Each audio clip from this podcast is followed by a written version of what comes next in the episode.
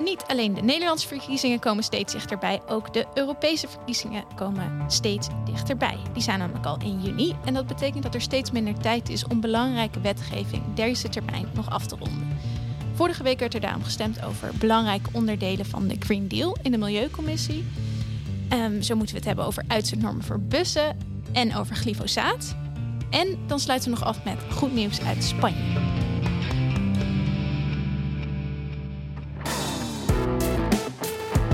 Welkom bij Bellen met Bas, de podcast over Europese politiek waarin we bijpraten met GroenLinks-Europarlementariër Bas Eickhout. Mijn naam is Mijke Vedder.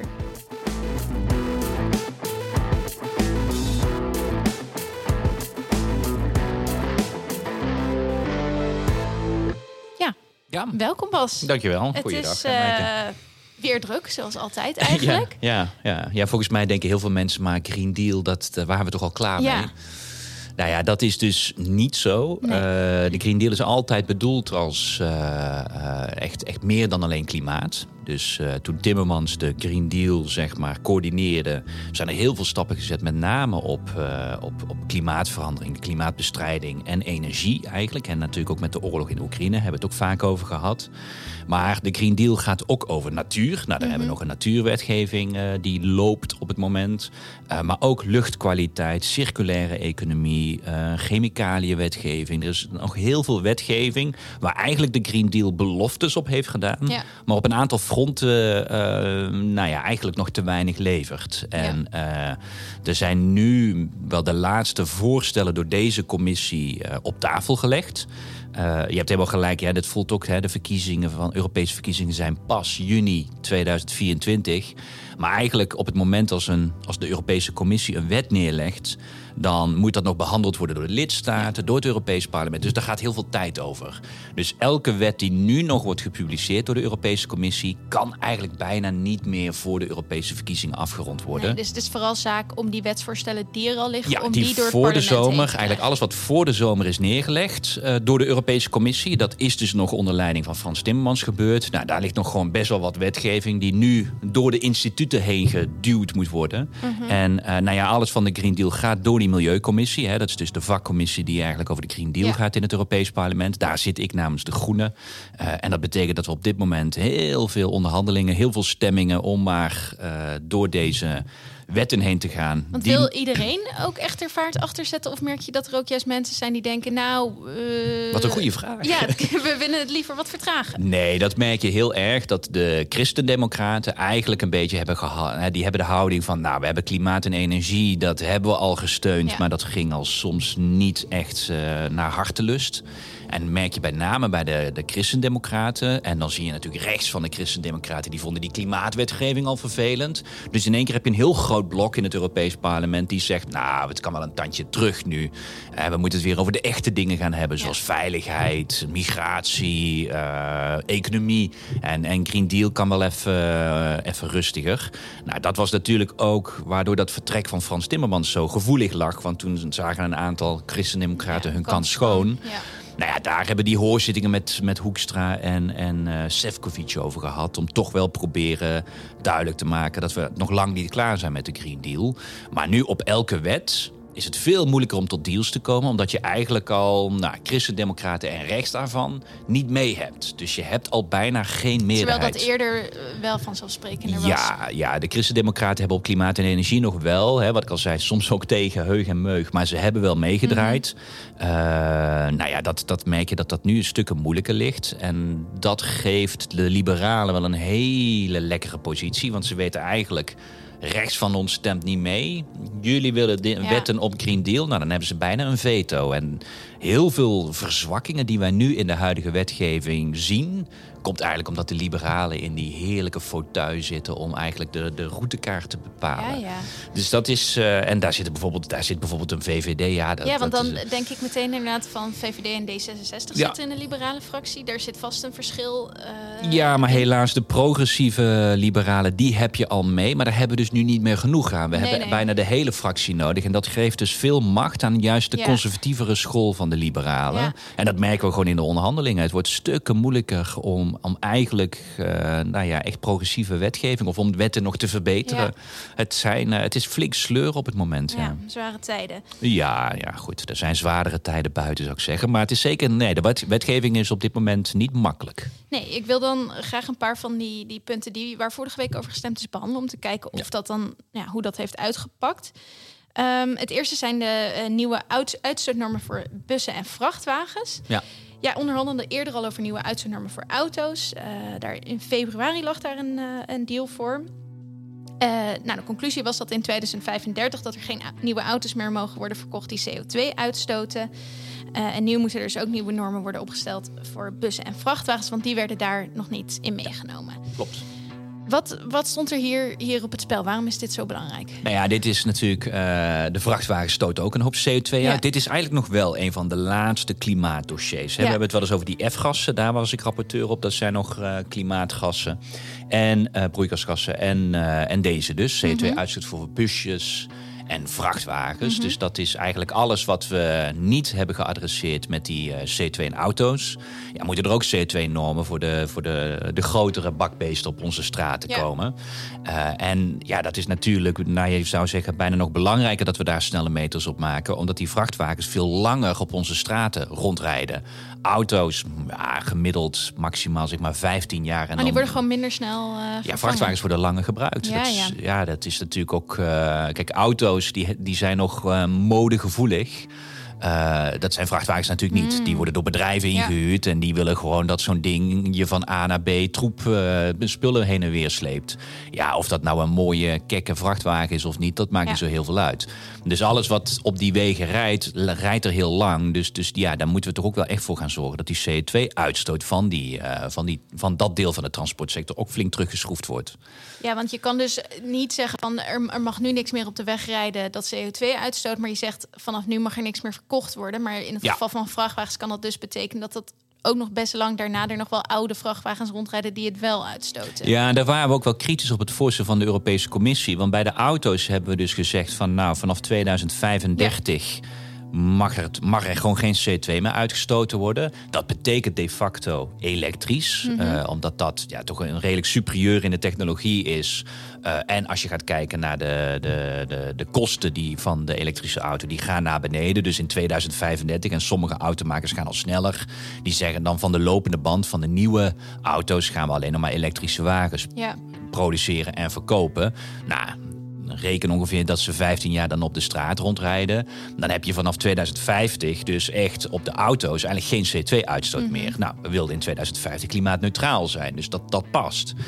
Nu bij de vrachtwagens had de commissie voorgesteld om pas in 2040 een 90% reductiedoel mm, in te voeren. Is niet eens alles. Niet eens alles. Nou, die rijden langer rond. Dan hebben we het al over 2040, een jaar verder. En dus nog niet eens de 100%. Ja, dat laat eigenlijk zien dat, dat wij in 2050 op de weg nog steeds uitstoot van CO2 zullen gaan zien. Nou, we beloven klimaatneutraal. Dat moet dan ergens gecompenseerd worden. Negatief, uh, maar de vrachtwagens is nog niet eens eigenlijk de moeilijkste transportsector. Hè. Denk aan uh, scheepvaart, luchtvaart. Uh, dus, dus onze economie klimaatneutraal maken in 2050 wordt wel een uitdaging met deze CO2-normen voor vrachtwagens. Dus wij wilden dat aanscherpen. Wij als Groene waren we ook hoofdonderhandelaar. Dus ik heb dit dossier ook uh, nou ja, onder mijn hoede. Ja. Maar ja, wat ik nou net zei, uh, precies daar zagen we het probleem met de liberalen. Die, die wilden niet uh, dat wij het 2040-doel gingen aanscherpen. Dus wij als Groenen hadden, hadden amendementen ingediend. Maak het nou gewoon ook 100% in 2040. Ja, dat, dat is ons gewoon niet gelukt. En uiteindelijk... Wat zijn hun argumenten daar dan voor? Is dat ook toch weer die autolobby die daarachter zit? Uh, wordt het, het is, Het, het, het, is deels de autolobby, of de, de, de, de transportlobby. Er zijn natuurlijk een aantal uh, vrachtwagenfabrikanten die moeite mee hebben hiermee, met dit soort doelen. Uh, dat valt eigenlijk nog mee. Het zijn niet zozeer de Duitsers dit keer. Ja, want dat was bij de uitzendnormen voor auto's het geval. Ja, je hebt bijna altijd... ja, je moet, tegengingen. Precies, maar je hebt MAN, wat eigenlijk ook onder Volkswagen valt. Okay. En en natuurlijk ook uh, Daimler-Benz heeft ook vrachtwagens. Hm. Nou, ze stonden niet te springen op een 100% doel in 2040, maar ze zouden er niet tegen zijn gegaan. Scania, Zweeds, groot vrachtwagenproducent, die vond dit eigenlijk prima als ze naar 100% zouden gaan. Het verzet zat hem veel meer bij Zuid-Europese en Oost-Europese fabrikanten. En in Zuid-Europa heb je natuurlijk Iveco, Italiaans. En ja, die, die gaan dat inderdaad. Als je Want die zijn gewoon nog veel minder ver dan, dan andere fabrikanten die al veel meer bezig zijn met Ja, en, en met deze wetgeving geef je eigenlijk toch weer te veel macht aan de trage veranderen. Dat is toch wat je vaak ziet, is dat, uh, dat wij onze wetgeving aanpassen aan de traagste. Uh, hè, de, zodat zij ook nog mee kunnen komen. Zodat zij nog mee kunnen komen. Terwijl je denkt, ja, maar juist voor klimaatneutraliteit moeten we juist de koplopers volgens mij een steuntje in de rug geven. Nou, die 90 procent, daar kwam dus verzet voor, met name uit Italië.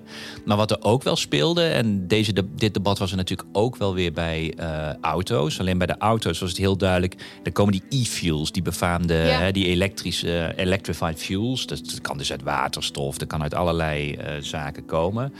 Daar um, moest toen nog een uitzondering voor, voor worden gemaakt. Nou ja, dat zijn de Duitse liberalen die nog ergens een, een soort van extra recital. Een beetje een soort, ja, het is een, zeg maar een inlegvelletje hebben ze gewonnen, ja. zullen we het maar we zeggen. We hebben het toen al eerder over gehad, over die uh, onderhandeling. Ik zal die even linken ook. Ja, en, maar goed, nog steeds is wel de verwachting dat uiteindelijk in de auto's wel 100% elektrisch gaat worden. Dus het is een leuke symbolische overwinning voor de FDP, maar uiteindelijk gaat de markt die kant op. Kijk, bij vrachtwagens snap ik op zich wel dat hè, met name de grotere, de lange afstandvrachtwagens, dat die misschien niet allemaal elektrisch worden. Dus hier zou het kunnen zijn dat er nog alternatieve, andere manieren van aandrijving opengehouden moeten worden. Dus is een 100% dan misschien niet uh, goed. Dus daarom hebben wij toen ook in de compromissen geprobeerd. Nou, dan maken we er 95 mm. van. Want 90% is nog steeds. Kijk, het merendeel zal ook bij de vrachtwagens elektrisch worden. Nou, als je nog een paar procentpunten openhoudt voor andere manieren van aandrijven, dan is die mogelijkheid er. Mhm. Maar de, de, grote, de, de, de, de, grote bubs gaat echt ook elektrisch worden. Dat, dat zie je nu al gebeuren. Wat ik zei, een Scania zegt dat ook. Wij gaan volledig naar elektrisch met al onze modellen. Ehm, en uh, nou ja, goed. Dus, dus dat we niet 100% gingen halen, daar legde ik me dan wel bij neer. Maar uiteindelijk is ons dus zelfs niet gelukt om het aan te scherpen. Dus het is 90% gebleven. Omdat de liberalen. Dat, dat was dus uh, hetzelfde als het commissievoorstel. Ja, dus het uh, standpunt van de commissie is eigenlijk in stand gehouden. We hebben wel nog het jaar 2035 wat aangescherpt. Uh, dus, dus we hebben het iets wat scherper. Ja, het moet iets harder uh, naar beneden. Uh, maar de, de aanscherpingen ten opzichte van het voorstel van de commissie zijn beperkter dan we hadden gewild. En dat ja. komt dus omdat de christendemocraten al niet meededen met deze deal. Dus we hadden al een hele dunne meerderheid. En dat gaf dus ja, alle macht aan de liberalen. En die, ja, die wilden niet uh, dat we te veel gingen afwijken van het uh, voorstel van de, van de Europese Commissie. Ja. Ben je er nu wel eh, tevreden mee? Of uh, ben je ook bang dat het misschien nog verder afgeschwakt Ja, we moeten dus nog naar de plenaire. Dus ja. dan gaat er natuurlijk weer een nieuwe poging gedaan worden van de Christendemocraten. Meestal is het gehele parlement iets minder uh, ja. progressief op dit soort zaken. Heeft er ook vaak mee te maken dat allerlei auto-industrie dan allerlei paniekmails de, de, ja, de, het parlement instuurt. En ja, mensen die zich er niet in verdiepen denken meteen, oh jeetje, dat gaat helemaal mis. Dus, dus nou ja, dat, dat wordt nog een lastige stemming. Maar we hebben wel de hoop dat we de meerderheid kunnen behouden. Uh, dan moeten we nog de onderhandelingen met de lidstaten gaan doen. Die hebben helemaal het voorstel van de commissie gevolgd op de uitstootnormen. Uh, dus daar denk ik dat we uiteindelijk heel dicht bij het voorstel van de Europese Commissie gaan komen. Waarbij wij, waar wij wel echt beter zijn, is dat wij er meer onder laten vallen. Hè, waar gaan deze C2-normen nou voor, uh, voor, uh, voor gelden? Ehm, we hebben echt alle vrachtwagens eronder laten vallen. Dan zou je zeggen, dat was in ja. het voorstel toch altijd al zo? Nee, ja, ja, niet dus. Want um, ja, zoals dat heet, vrachtwagens specifiek voor werkvervoer vielen er buiten. Dan moet je bijvoorbeeld ook denken aan de, de afvalvrachtwagen in de steden die hier rondlopen. Die vielen er buiten. Die okay. werden ooit uitgezonderd. Terwijl eigenlijk juist dit soort vrachtwagens in de stad, die zie je nu al elektrisch worden ja. in, in steden als Utrecht. Dus, dus die hebben wij, de scope zoals het dan heet, die hebben we vergroot. Dus mm -hmm. daar hebben we duidelijk een aanscherping. Uh, en een ander verschil met de raad is dat uh, we wel zeggen dat stadsbussen, die moeten wel naar 100%. En okay. al in 2030, terwijl de lidstaten hebben 2035. Nou ja, dat wordt nog zo'n discussiepunt. Want dus, voor kortere eh, afstand is het sowieso een stuk makkelijker, lijkt me. Eigenlijk, stadsbussen zijn natuurlijk ideaal om te elektrificeren. Volgens mij is dat op Ehm, veel plekken dat, ook dat, steeds dat meer zie zo. je nu gebeuren. Maar Ja. je, goed, dat is natuurlijk... eh, jij denkt nu aan Nederlandse steden. ja, precies. Eh wij moeten het wel hebben over alle stadsbussen Ja. in heel Europa. Ja, ja. Dus we moeten ook nadenken over stap. Sofia. En Bulgarije moet dan ook die stap Ja. maken. Dus eh, daarom 2030. Het klopt, eigenlijk kan dat nu wel. Maar eigenlijk is elke stad die vanaf 2030 nieuwe bussen gaat aanschaffen... die zullen allemaal elektrisch zijn, ja. ja. Dat is Dus een, dat- en dat is een- eh, een lichtpuntje. Ja, vooral ook dat dat ook meteen natuurlijk een effect heeft op de luchtkwaliteit. Want elektrisch stoten ook niet direct eh, NOx en, eh, en fijnstof Mhm. uit. Dus die worden. ehm, dus ja, dat heeft ook gewoon meteen een effect voor de stedelijke luchtkwaliteit. Dat Ja. die bussen schoner worden. Dat is een, een mooi linkje volgens mij naar eh, Euro 7. Ja, ja, ja, ik Euro haalde 7. dit al even door elkaar. Dat is een ander dossier waar nu ook over handelt. Ja, dat over gaat over luchtkwaliteit. Ja. Ja, dus, Dus dat niet is CO2-uitstoot. Dus niet eigenlijk alle andere troep die, die de verbrandingsmotor uitstoot, maar dan niet CO2. Maar dan, Ja. dan heb je het dus over NOx. eh, nou, vroeger zelfs nog zwavel. Eh, dat hebben we ondertussen wel uitgehaald. Eh, maar Dat zijn stoffen die niet schadelijk zijn voor het klimaat, maar wel de, de lucht vervuilen. eh, eh, ja, om het heel het complex te, nou, om heel complex te maken. Het kan tot ozonvorming leiden. En ozon is weer wel een broeikasgas. Maar laten we het niet te complex maken. Er zijn natuurlijk altijd links tussen klimaat en Ja, ja. luchtkwaliteit. maar in algemene zin klopt het dat dit veel meer gaat over luchtkwaliteit. Dus Mhm. een direct effect op onze gezondheid. Ja.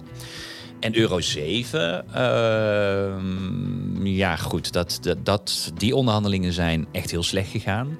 Ehm, daar was nog meer de autolobby, want Euro 7 gaat voor zowel weer de auto's als de vrachtwagens. Dus bij C2-uitstoot hebben we daar twee wetten voor. Die van auto's is al aangenomen, van vrachtwagens zijn we dus Ja. nu bezig. Maar Euro 7, van al die andere stoffen, die eh, gelden voor auto's en vrachtwagens. Dus we kregen de hele lobby over ons heen. En eigenlijk was het belangrijkste mantra... nou ja, we gaan toch elektrisch worden. Dus moet je ons nu niet verplichten dat we, terwijl we elektrisch aan het worden zijn... ook nog eens die verbrandingsmotor schoner moeten maken.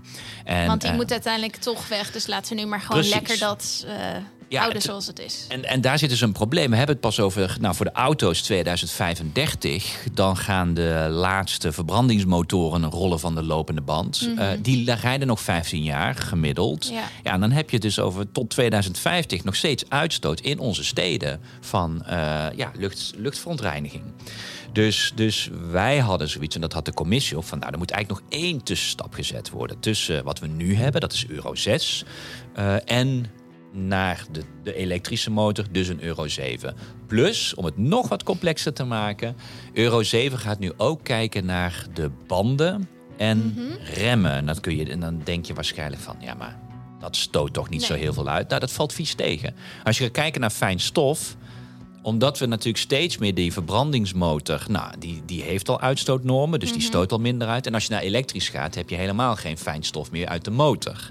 Dan relatief gaat de grootste vervuiling van de auto's gaat komen van de remblokjes en de slijtage van de banden. En die is bij elektrische auto's nog eens wat meer. Want daarbij komen ook kleine...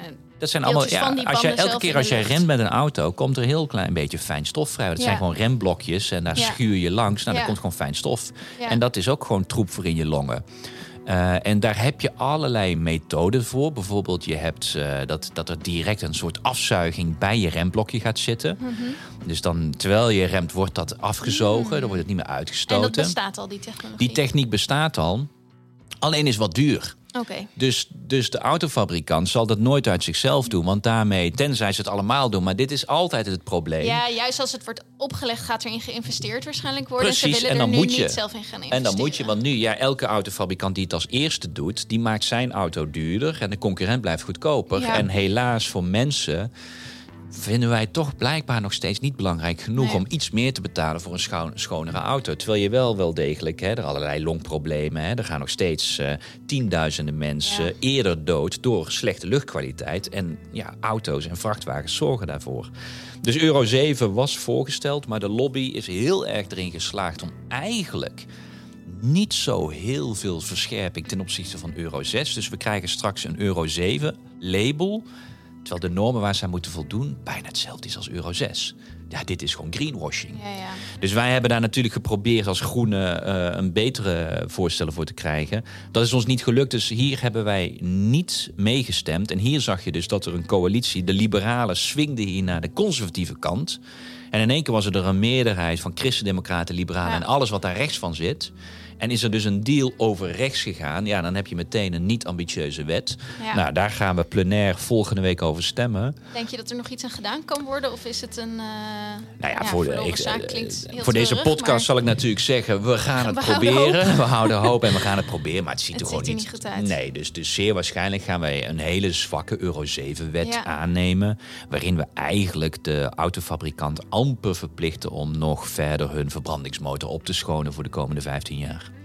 Want eh, dit is nu voor 15 jaar en dan komt er euro 8 of hoe, hoe werkt Nee, dat dan heb je dus een verbrandings. Dan is, het dus, Dan dan is het- er dan een nuluitstoot. ja, dan is en is de verwachting dat dus vanaf 2035 dat dan er een elektrische auto Ja, komt. En dan is het minder. En dan heb je geen uitstootnormen meer nodig voor NOx bijvoorbeeld. Maar nogmaals, nog wel voor de remmen en de banden. Dus daar is Euro 7 wel een verbetering. Maar alles wat de verbrandingsmotor uitstoot, eh, niet. Nee. Jammer. Ja, Ehm, helaas wil ik dan toch ook naar een ander onderwerp... wat volgens mij ook er niet heel rooskleurig uitziet. Eh, dat is glyfosaat. dat is meer geelkleurig. Ja. Ja. Ja. dat ook. Eh, ja, want misschien eerst even... eh, wat is glyfosaat eigenlijk? Ja, glyfosaat is gewoon, is gewoon een bestrijdingsmiddel. Wordt heel erg, heel erg veel gebruikt in de, in de landbouw. Is eigenlijk het meest gebruikte bestrijdingsmiddel in de landbouw. Is heel effectief. Doodt namelijk veel.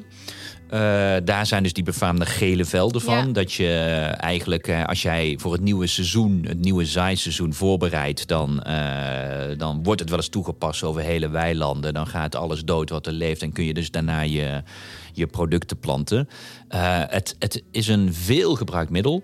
Ehm, maar heeft ook wel, ja, het, het, het past natuurlijk bij de grootschaligheid, die steeds maar grootschaligere landbouw die wij eh, voor ons zien. Ja. En glyfosaat is daar wel eigenlijk een onlosmakelijk onderdeel van geworden. Dus glyfosaat, nou we kunnen nog hele discussies hebben over de, de effecten.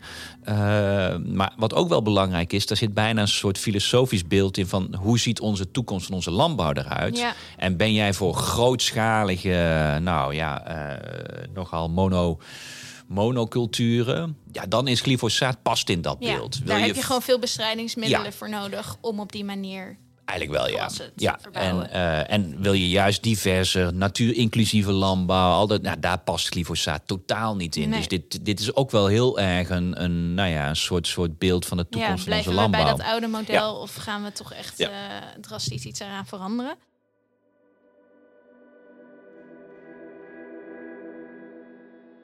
Ik zat even te kijken, want het gaat dus nu over de certificering voor, voor de, de autorisatie, op, de, op de Europese markt. Dat betekent overigens nog steeds dat eh, landen individueel nog aanvullende maatregelen kunnen nemen. Hè? Dus dit is ook ja, nog. dat gebeurt toch ook al? Nou, bijvoorbeeld. Frankrijk. Frankrijk eh, laat het gebruik van glyfosaat minder toe. Ja. Het wordt nog wel bij de landbouw, maar eigenlijk alleen bij de landbouw. Eh, het verschilt gewoon per land waar je het dan precies toelaat. Ja, je kan Het, eh, strenger zijn, ja. maar niet minder streng. Nee, want wat, wat Europese Europa doet is het bestanddeel glyfosaat. Dat is Mhm. ook, je kan glyfosaat niet zo kopen. Het is, een, het, is het, het, zeg maar het, het bestanddeel, het, het effectieve bestanddeel dat eh, zaken doodt. Dat wordt wel of niet goedgekeurd. Dat krijgt een, een, een, eh, een vergunning op de Europese markt. En vervolgens gaan producenten glyfosaat in allerlei toepassingen gebruiken. En die moeten landen toelaten. En een land kan dan zeggen: ja, maar ik, ik sta dat gebruik of dat specifieke product Ja. alsnog niet toe. Ja. Dat kan altijd. Het is even belangrijk voordat straks de Nederlandse regering gaat doen alsof ja, nu kunnen we niks meer doen. Schuld van Europa. Ja, nou ja, kijk, als het wordt toegelaten, is het de schuld van Europa. Deels ook omdat Nederland geen standpunt Ja, inneemt. eh, gaan we het zo nog Ja. hebben, ja? Maar dan kan Nederland nog steeds aanvullende maatregelen. Ja. Ehm, in december 2017 werd glyfosaat voor het laatst goedgekeurd. Ja. En dat was toen voor een periode van vijf jaar. En dat was, begreep ik al, een grote discussie. Want normaal wordt het voor een langere periode eigenlijk goedgekeurd. is- Dat was al een soort compromis. ja, eigenlijk is het een soort standaard 15 jaar. Ja. Eh, en toen hebben wij natuurlijk ook deze discussie gevoerd van jongens, moeten we dit nou wel toelaten? Ja, toen dan was ook al duidelijk dat er genoeg mis mee was. Nou, er zijn natuurlijk. eh, Kijk, eh, ten eerste, laten we het dan even hebben over de problemen van glyfosaat. Ten eerste, het heeft natuurlijk effect op onze ecosystemen. Daar is het ook voor bedoeld, weet je. Uh, dus het is, niet, het is niet heel specifiek in de aantasting van ecosystemen. Dus het heeft gewoon een, een het grote... alle planten Ja, het heeft een effect op, op onze biodiversiteit. Mhm. Dus dat, dat is ook redelijk onomstreden. Maar dan kun je zeggen, nou ja, dat is een schade die we bereid zijn te betalen. Daar hebben wij al vragen ja, Want het levert bij. ons uh, Ja. veel op. Nou, dan is er natuurlijk een hele discussie of het kankerverwekkend is. Ja. Eh, Daar moet je gewoon eerlijk in zijn dat, dat daarin eh, eh, het puur de glyfosaat zelf lijkt dat in mindere mate. Maar wat ik net zei, glyfosaat is het, het, het, eh, het actieve bestanddeel.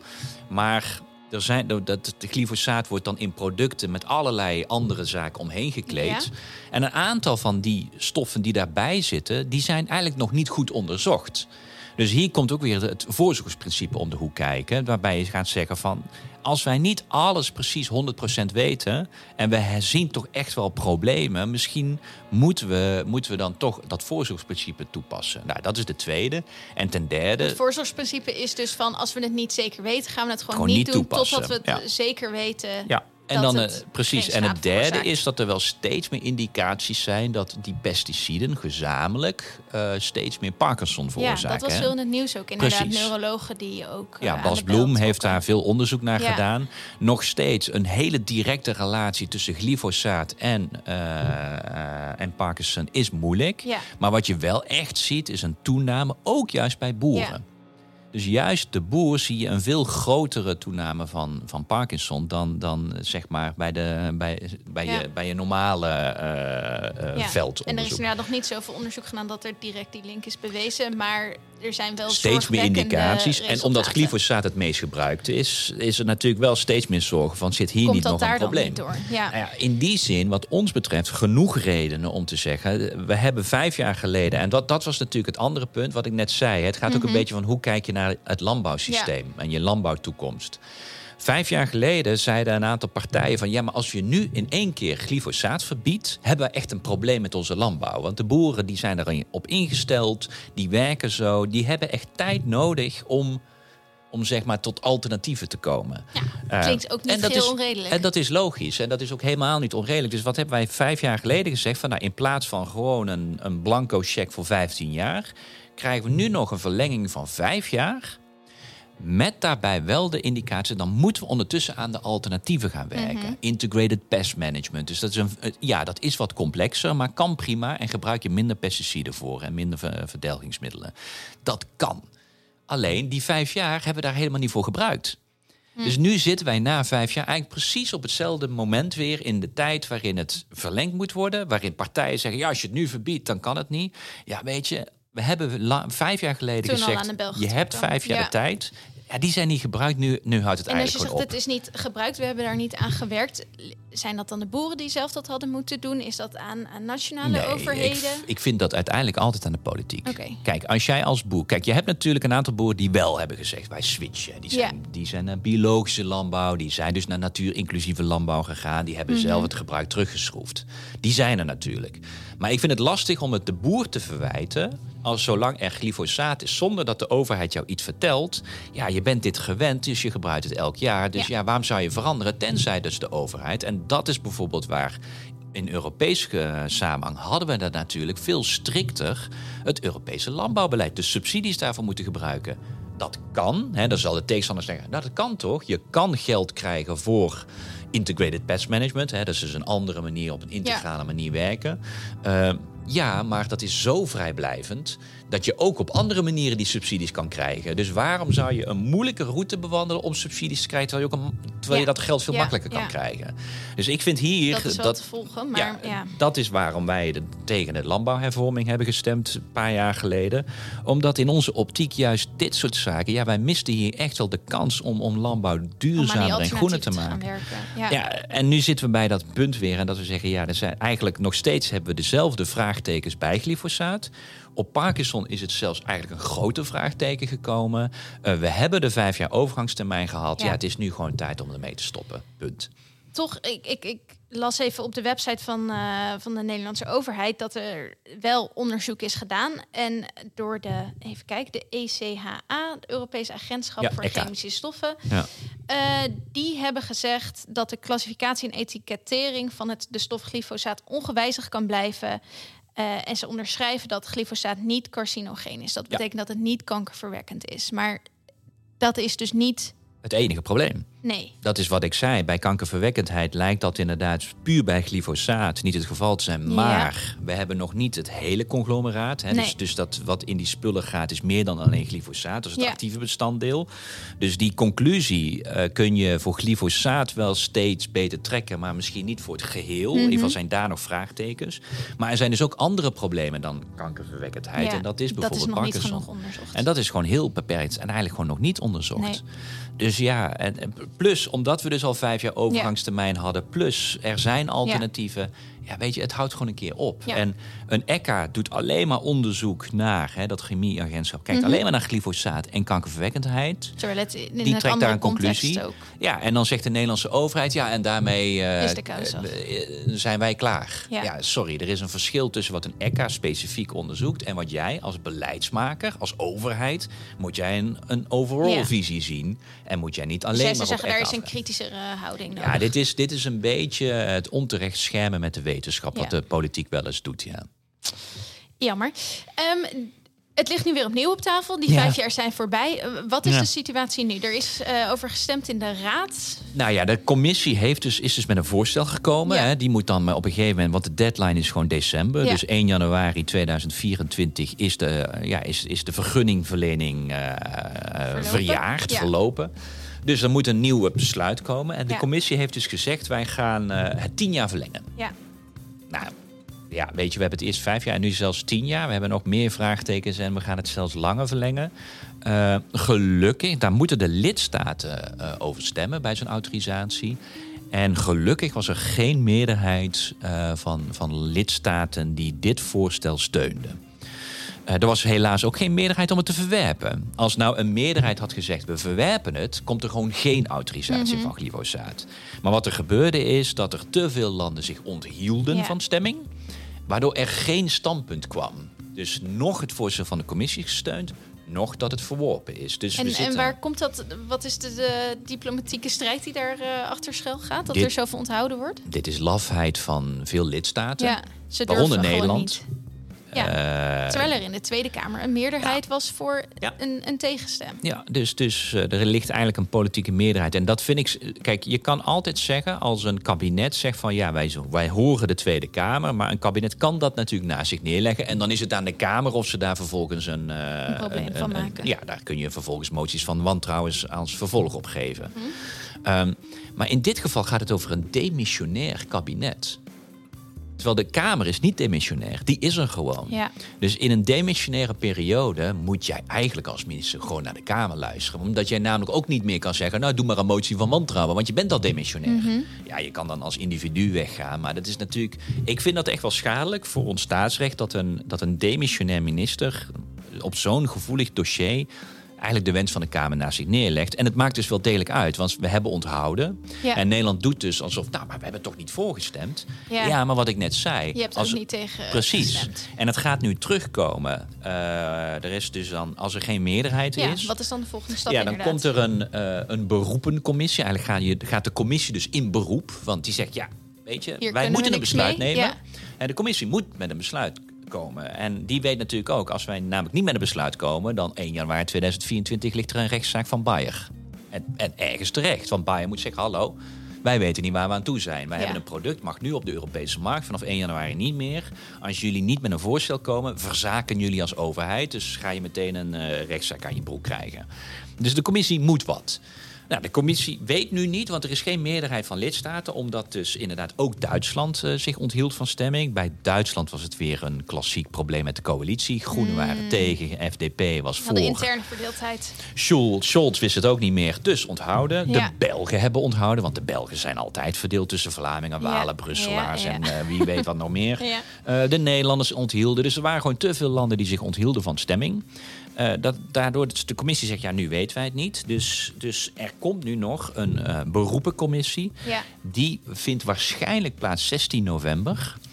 En dan wordt er opnieuw gestemd. Uh, maar gaat de commissie ook even kijken van gaan we ons voorstel nog aanpassen? Wat wij... In de hoop dat er dan wel een meerderheid voor is. Nou, wat zij weten is dat, dat, dat Duitsland gaat nooit voorgekomen met de Groenen in de regering. Dus die blijven op zijn best op een onthouding. Ook de Belgen, die komen ook nooit tot een standpunt. Ja. Ehm, Nederland is onwaarschijnlijk, omdat ja, dit, ik denk de Kamer is in principe nu met, uh, hè, met verkiezingsreces. Dus die gaat niet meer het standpunt veranderen. Dus Nederland kan ook niet anders dan blijven, nou ja, eigenlijk tegenstemmen. Maar goed, uh, Adema lijkt dus te blijven onthouden. Dus wat, uh, dat geeft de sleutelpositie aan Frankrijk. En wat er dus gaat gebeuren is dat er eigenlijk nu door de Franse voorwaarden worden aangepast. En waarschijnlijk wat wij horen is dat de commissie bijvoorbeeld het nu terugbrengt naar zeven jaar.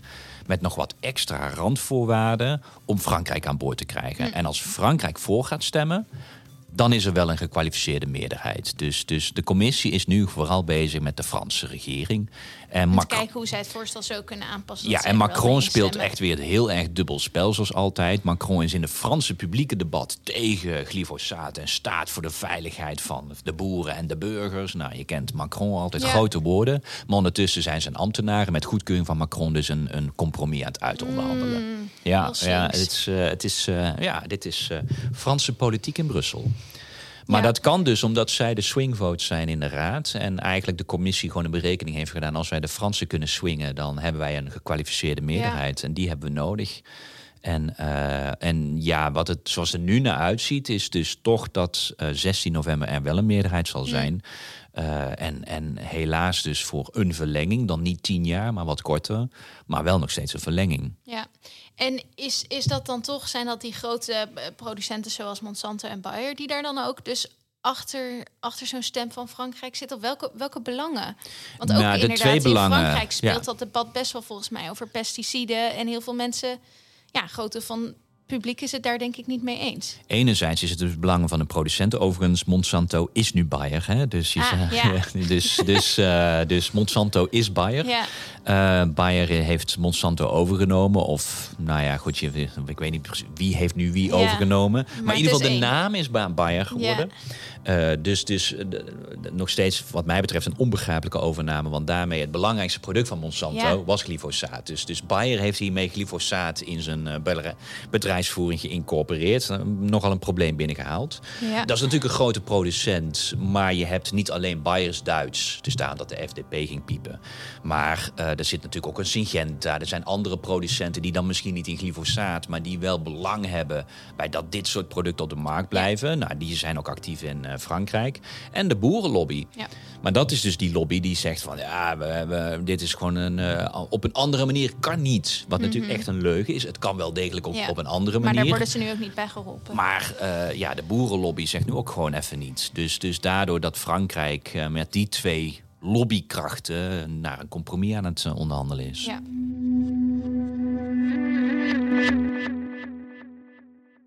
Oké, eh, ik denk dat we het er nog even over gaan hebben als inderdaad die laatste stemming is geweest. Maar, ja, dus wel ehm, weet even dat wij hebben ook in de Milieucommissie Ja? erover gestemd. Maar dat is een niet bindende resolutie. Dus we hebben hem niet gehaald. Wij hadden dus een, een resolutie die volledige verwerping van glyfosaat was. Dus gewoon niet verlengen. Mhm. Eh, en daar zag je dus dat de liberalen totaal verdeeld waren. Een paar steun, steunden die resolutie. Een paar stemden tegen, waaronder de VVD. En drie keer raden. De Franse renewers, de Franse liberalen van Macron, Mm. onthielden zich van stemming. En dat onthouden van stemming heeft ervoor gezorgd dat er geen meerderheid was. We ah, dus hadden. ook in het parlement Ja. hebben zij die rol nu al. Ja, ja, ja, ja, de Franse Door wat er daar in het Franse debat Ja, speelt. de Franse liberalen, dat zeg maar dualisme kennen ze niet in Frankrijk. Dus wat de president vindt, vindt dan iedereen van die partij, Ja, tot ja. en met ook de Europarlementariërs. En die waren de swing in de Milieucommissie. Dus onze resolutie om het helemaal te verwerpen, heeft het niet gehaald. Dus Nee. 38 waren voor en 40 tegen. Dus we hebben op twee stemmen naar eh, eh, niet gehaald. En er waren twee Franse liberalen zaten Jeetje, erbij. spannend. Ja, dat- dan zie je dus hoe close dat wordt. En Ja. hoe dus belangrijk die positie van die liberalen is, helaas. Daar moeten we met de verkiezingen echt iets aan gaan doen, Ja. zou ik zeggen. Ehm, en dus heeft eh, onze resolutie het niet gehaald. We gaan dat nog een keer plenair proberen. Om toch nog ook plenair tot een uitspraak te komen. Maar weet dus dat wat we ook besluiten, het is niet een bindende uitspraak. Omdat dit een toelating is van een eh, pesticide waar al wetgeving voor... geen officiële rol Daar hebben wij niet meer een, eh, eh, kunnen wij niet een veto meer over Nee. uitspreken, helaas. Dus, dus, maar natuurlijk, het is politiek wel heel Ja, belangrijk. Als het Europees parlement. dat daar wel... Ja, als het Europees parlement het wel zou verwerpen, wordt het wel heel lastig om dan een weekje later als, als lidstaten van, we gewoon te zeggen: oh, we gaan het in." verlengen. Ja. En dat maakt het voor Macron ook heel moeilijk. Ja. Dus eh, alleen helaas heeft dus Macron met zijn liberalen de swingvote in het Europees parlement. Ja. Dus ja, ik vrees dat we het niet gaan halen, maar we gaan het zeker nog proberen. Naast het gebruik van glyfosaat werd er ook nog gebruikt over pesticiden in het algemeen. Ja, ja. Ik vroeg me daar nog wel even bij af van, valt glyfosaat daar dan dus niet onder? Of hoe Nou, zit dat? ja, dat is een goede vraag. Dit is eigenlijk dus een van die weinige wetten die we nu door het parlement heen krijgen van die van farm to fork strategie. Hè? Dus van, het, eh, eh, van, de boer, van boer tot bord eh, in Ja. goed Nederlands. Ehm, daar is eigenlijk dat is een belangrijk onderdeel van de hele Green Deal. Dus eigenlijk een- ons nieuw landbouwsysteem, eigenlijk een nieuw Waar wel voedselsysteem. dus meer wordt nagedacht, is Ja, het idee over precies. alternatieven. Eh, maar helaas is er eigenlijk maar één wet echt nu eh, die geconcretiseerd kan Hmm. worden nog voordat we de verkiezingen ingaan. En dat is het verminderen van pesticidengebruik. Maar dat is in algemene zin.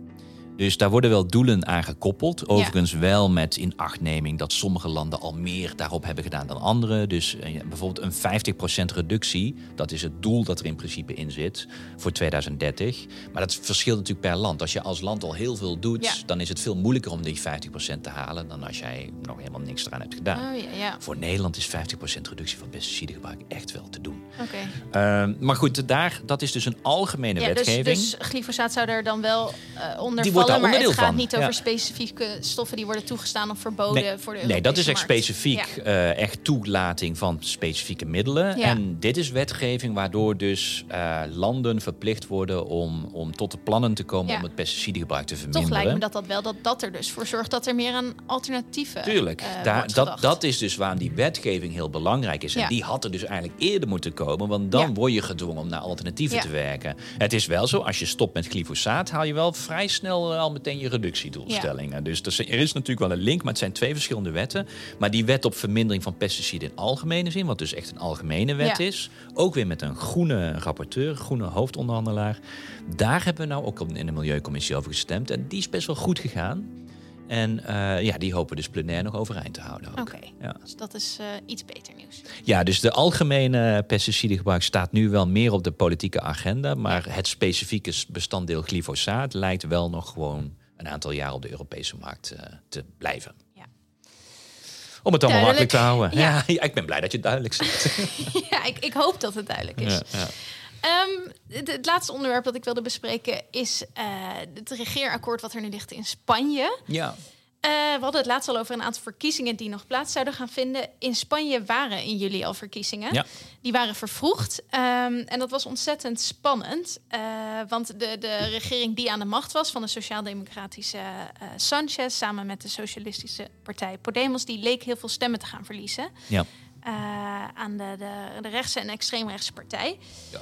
Ehm, maar er was een interessante ontwikkeling. Ik denk ook in het kader van wat er in Nederland gebeurt interessant om te bespreken. Namelijk dat er een nieuw linksplatform Ja. eh, werd gevormd. Klopt. Dat was al langer volgens mij in ontwikkeling, maar die hebben nu voor het eerst eh, echt gezamenlijk aan de verkiezingen meegedaan onder de Ja. noemer Sumar. Sumar, ja. Wat, uit, waar bestaat dit uit? Wie zijn dit? Nou, het is eigenlijk eh, alles links van de Sociaaldemocraten op de regionalisten na. Ik denk dat het ook belangrijk is dat in Spanje zijn bijna al die regionalistische partijen. Dus dan moet je denken aan de Catalanen en de Basken met name. Mhm.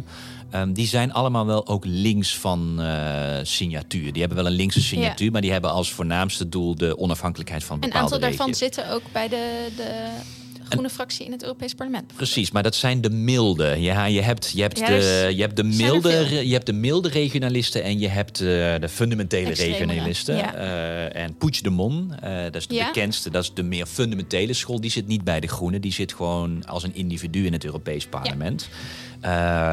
Maar je hebt dus de, de, de milde regionalisten, die hebben zich ook gekoppeld onder Sumar. Oké. Eigenlijk de verschillende groene partijen. We hadden wat verschillende groene partijen. Die hebben zich onder Sumar. Podemos. Podemos is eigenlijk... Dat was natuurlijk het grote probleem. Podemos was tien jaar geleden, ten tijde van de eurocrisis, kwam heel erg naar boven. Maar eigenlijk is dat echt heel erg aan het instorten. Ehm, dus Podemos had zijn, eh, nou, had zijn mojo niet meer, zullen we maar Nee. zeggen.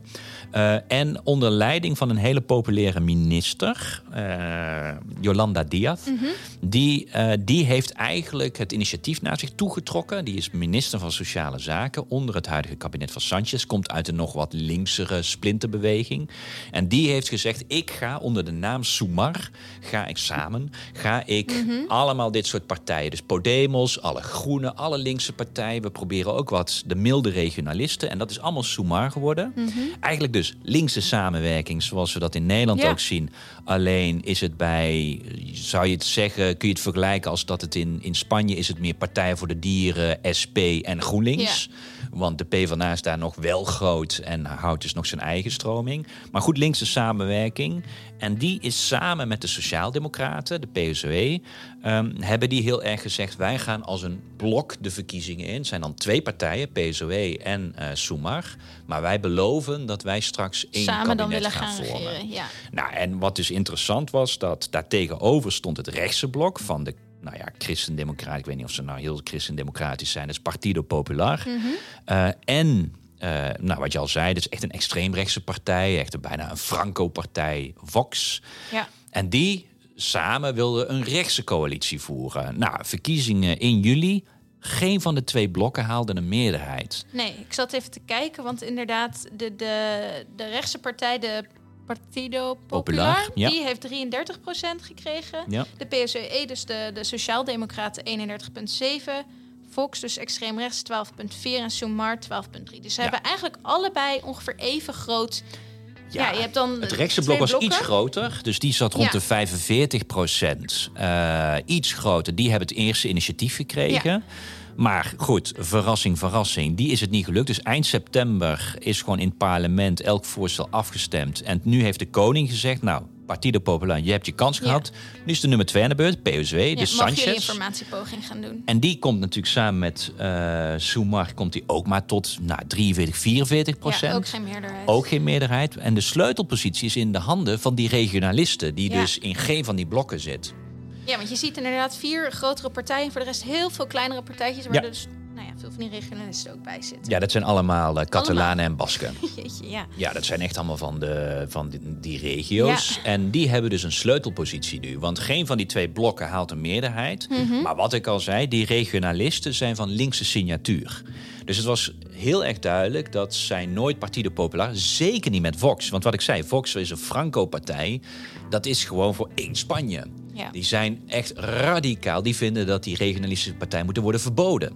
Nou ja, als jij dus als christendemocraten aankomt... want willen jullie onze regering steunen? We hebben echt heel veel leuke ideeën, maar je doet dat Jullie samen... mogen niet bestaan. Samen met een partij die zegt jullie mogen niet bestaan... moet je niet verrassend opkijken dat de regionalisten zeggen... nou, weet je, nee. ja. Dus een meerderheid heeft die eh, coalitiepoging weggestemd. En nu Ja. moet Sanchez dus proberen een soort gedoogsteun van de regionalisten krijgen. En ze gaan niet in het kabinet. Dus wat Sanchez nu heeft gedaan is een regeerakkoord met Sumar. Mhm. Eh, wat dus eigenlijk GroenLinks is. Het is wel grappig. In de Nederlandse media werd het soms wel radicaal links genoemd. Ja. En toen dacht ik wel van... Wat maakt Sumar radicaal. links? Ze zijn bijvoorbeeld voor een kortere werkweek. Nou, dat is natuurlijk ja, wel dat werd als grootste ja, overwinning dat is eigenlijk natuurlijk benoemd. echt super radicaal, een, een kortere werkweek. Ze zijn voor het aanscherpen van het klimaatbeleid. Ja, Ja. dat is ook echt super radicaal. Ja, ik vind dat fascinerend. Als Ja. jij radicaal rechts zegt, dan krijg je heel schreeuwend rechts over je. Oh, waarom noem je het? En dit wordt radicaal links genoemd. Wel, ik, het is mij niet echt gelukt om nou echt de grote radicaliteit Ja. van Soumar te zien. Ja. Maar goed, blijkbaar in Nederlandse context is... als je voor een kortere werkweek ben je zeer radicaal. Eh, dat zegt meer over Nederland volgens mij... dan dat, dat het iets Ja. over Spanje zegt. Eh, maar goed, Sumar en Sanchez, dus PSOE, hebben een regeerakkoord. En dat betekent dat ze nu eh, een deal hebben op de inhoud.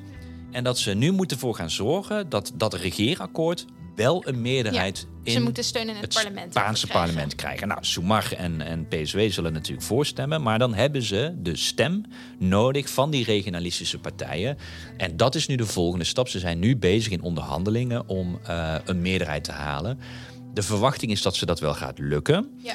Eh, ook omdat als het Sanchez niet lukt, aan het eind van het jaar gaat de koning waarschijnlijk op, op een gegeven moment zeggen: als het allemaal niet blijft lukken, ja, nieuwe verkiezingen. Daar heeft niemand zin in. Zeker Ja. ook niet die regionalistische partijen.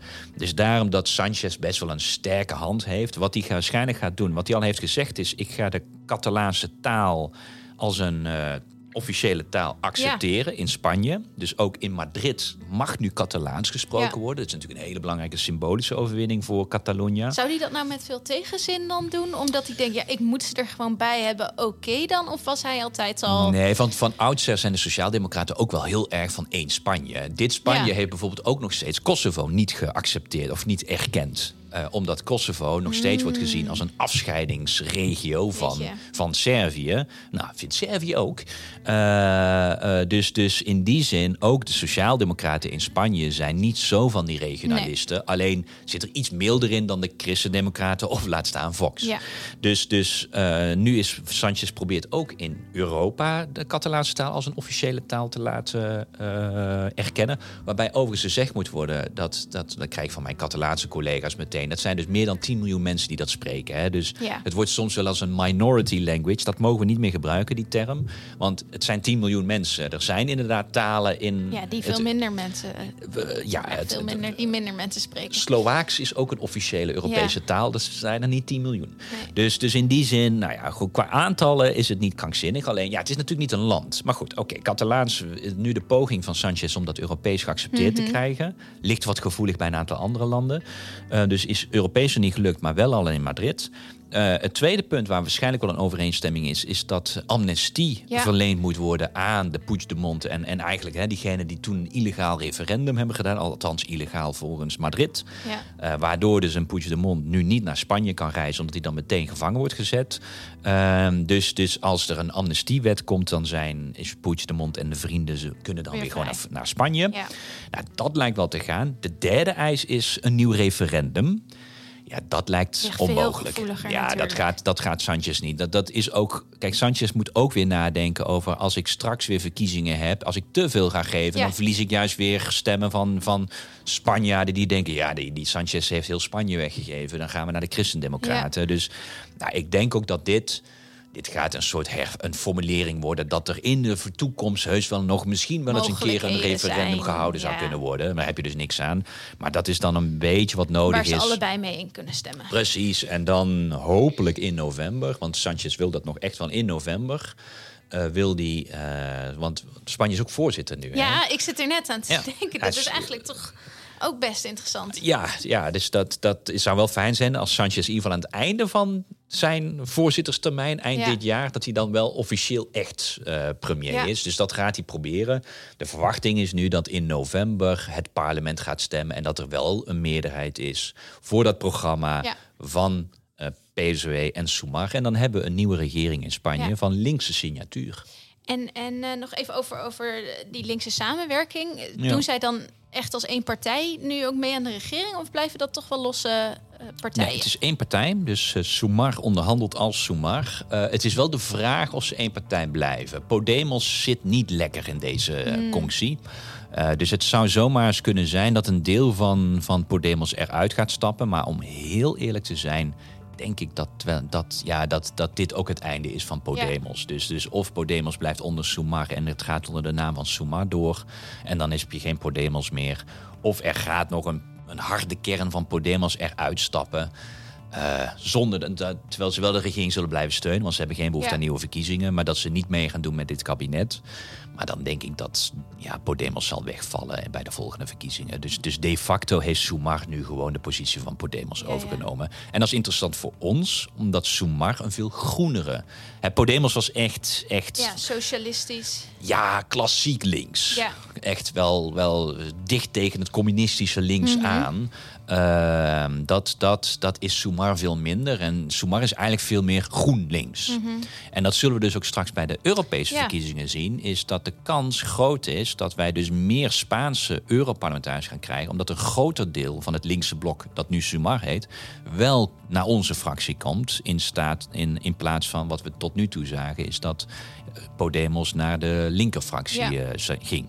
Dus dit heeft ook weer gevolgen voor de bemensing. Want wij gaan in ieder geval ook aan de Europese verkiezingen als één. Uh, dat is wel de bedoeling, ja. ja, Dit, dit, is, dit is een succes in de, in de nationale verkiezingen. Dus, dus Suma wil dat. Maar goed, dat is even de vraag of Podemos het toch nog apart gaat proberen. Maar dan is toch de verwachting dat Sumar de stem op links zal winnen. Ja.